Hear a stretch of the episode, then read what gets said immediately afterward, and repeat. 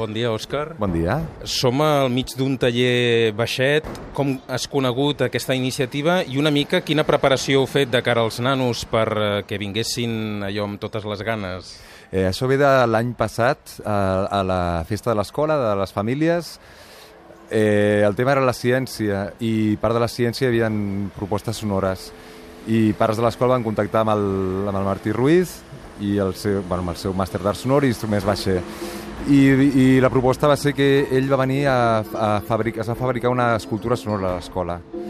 Ens va explicar de què anaven aquests instruments, la seva història, i aleshores, com la fabricació era molt complicada perquè eren nens de segon, que són els que ara estan en el taller, ell va fabricar els altaveus i els nanos van fer el disseny de l'altaveu, el, el seu dibuix.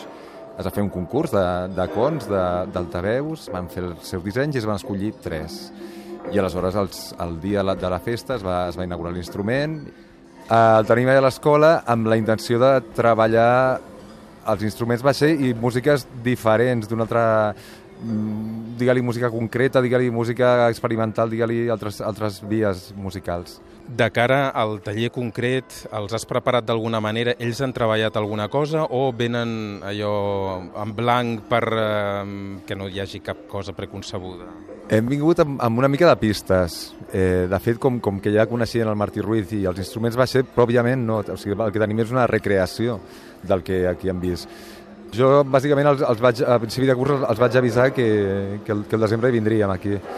I aleshores, la setmana passada sí que vàrem parlar-ne, vam tornar a veure fotos, parlar del què faríem i que el que faríem seria això, venir a tocar i a dibuixar la música. En principi li semblava una mica estrany dibuixar aquest tipus de sons però van venir moltíssimes ganes, o sigui, han vingut amb moltes ganes d'experimentar. Què aporta això als nanos d'aquesta edat?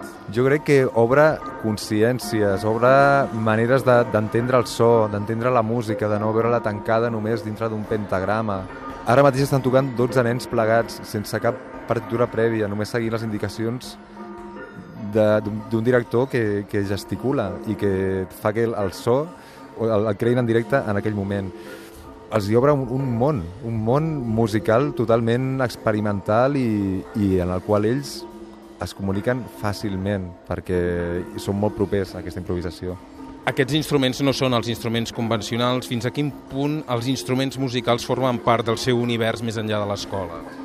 Hi ha bastants nanos, almenys en el cas d'aquesta escola, que estudien música i estudien instrument. Per tant, estan, estan avasats a, a, a tocar, a, a tocar música però el, el que s'aconsegueix crec amb aquests instruments va ser és anar una mica més enllà i veure que qualsevol cosa, en principi qualsevol barra, qualsevol objecte és susceptible de convertir-se en, en, en un instrument.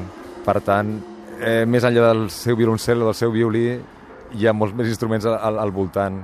Per tant, també, agafant la pregunta d'abans, què els hi aporta? Els hi porta una quantitat, uns inputs d'imaginació que ja veurem. És una llavor poderosa, espero. Doncs Òscar Sanoguera, moltíssimes gràcies per sortir un moment del taller i atendre'ns i fins aviat. Gràcies a vosaltres. Fins aviat.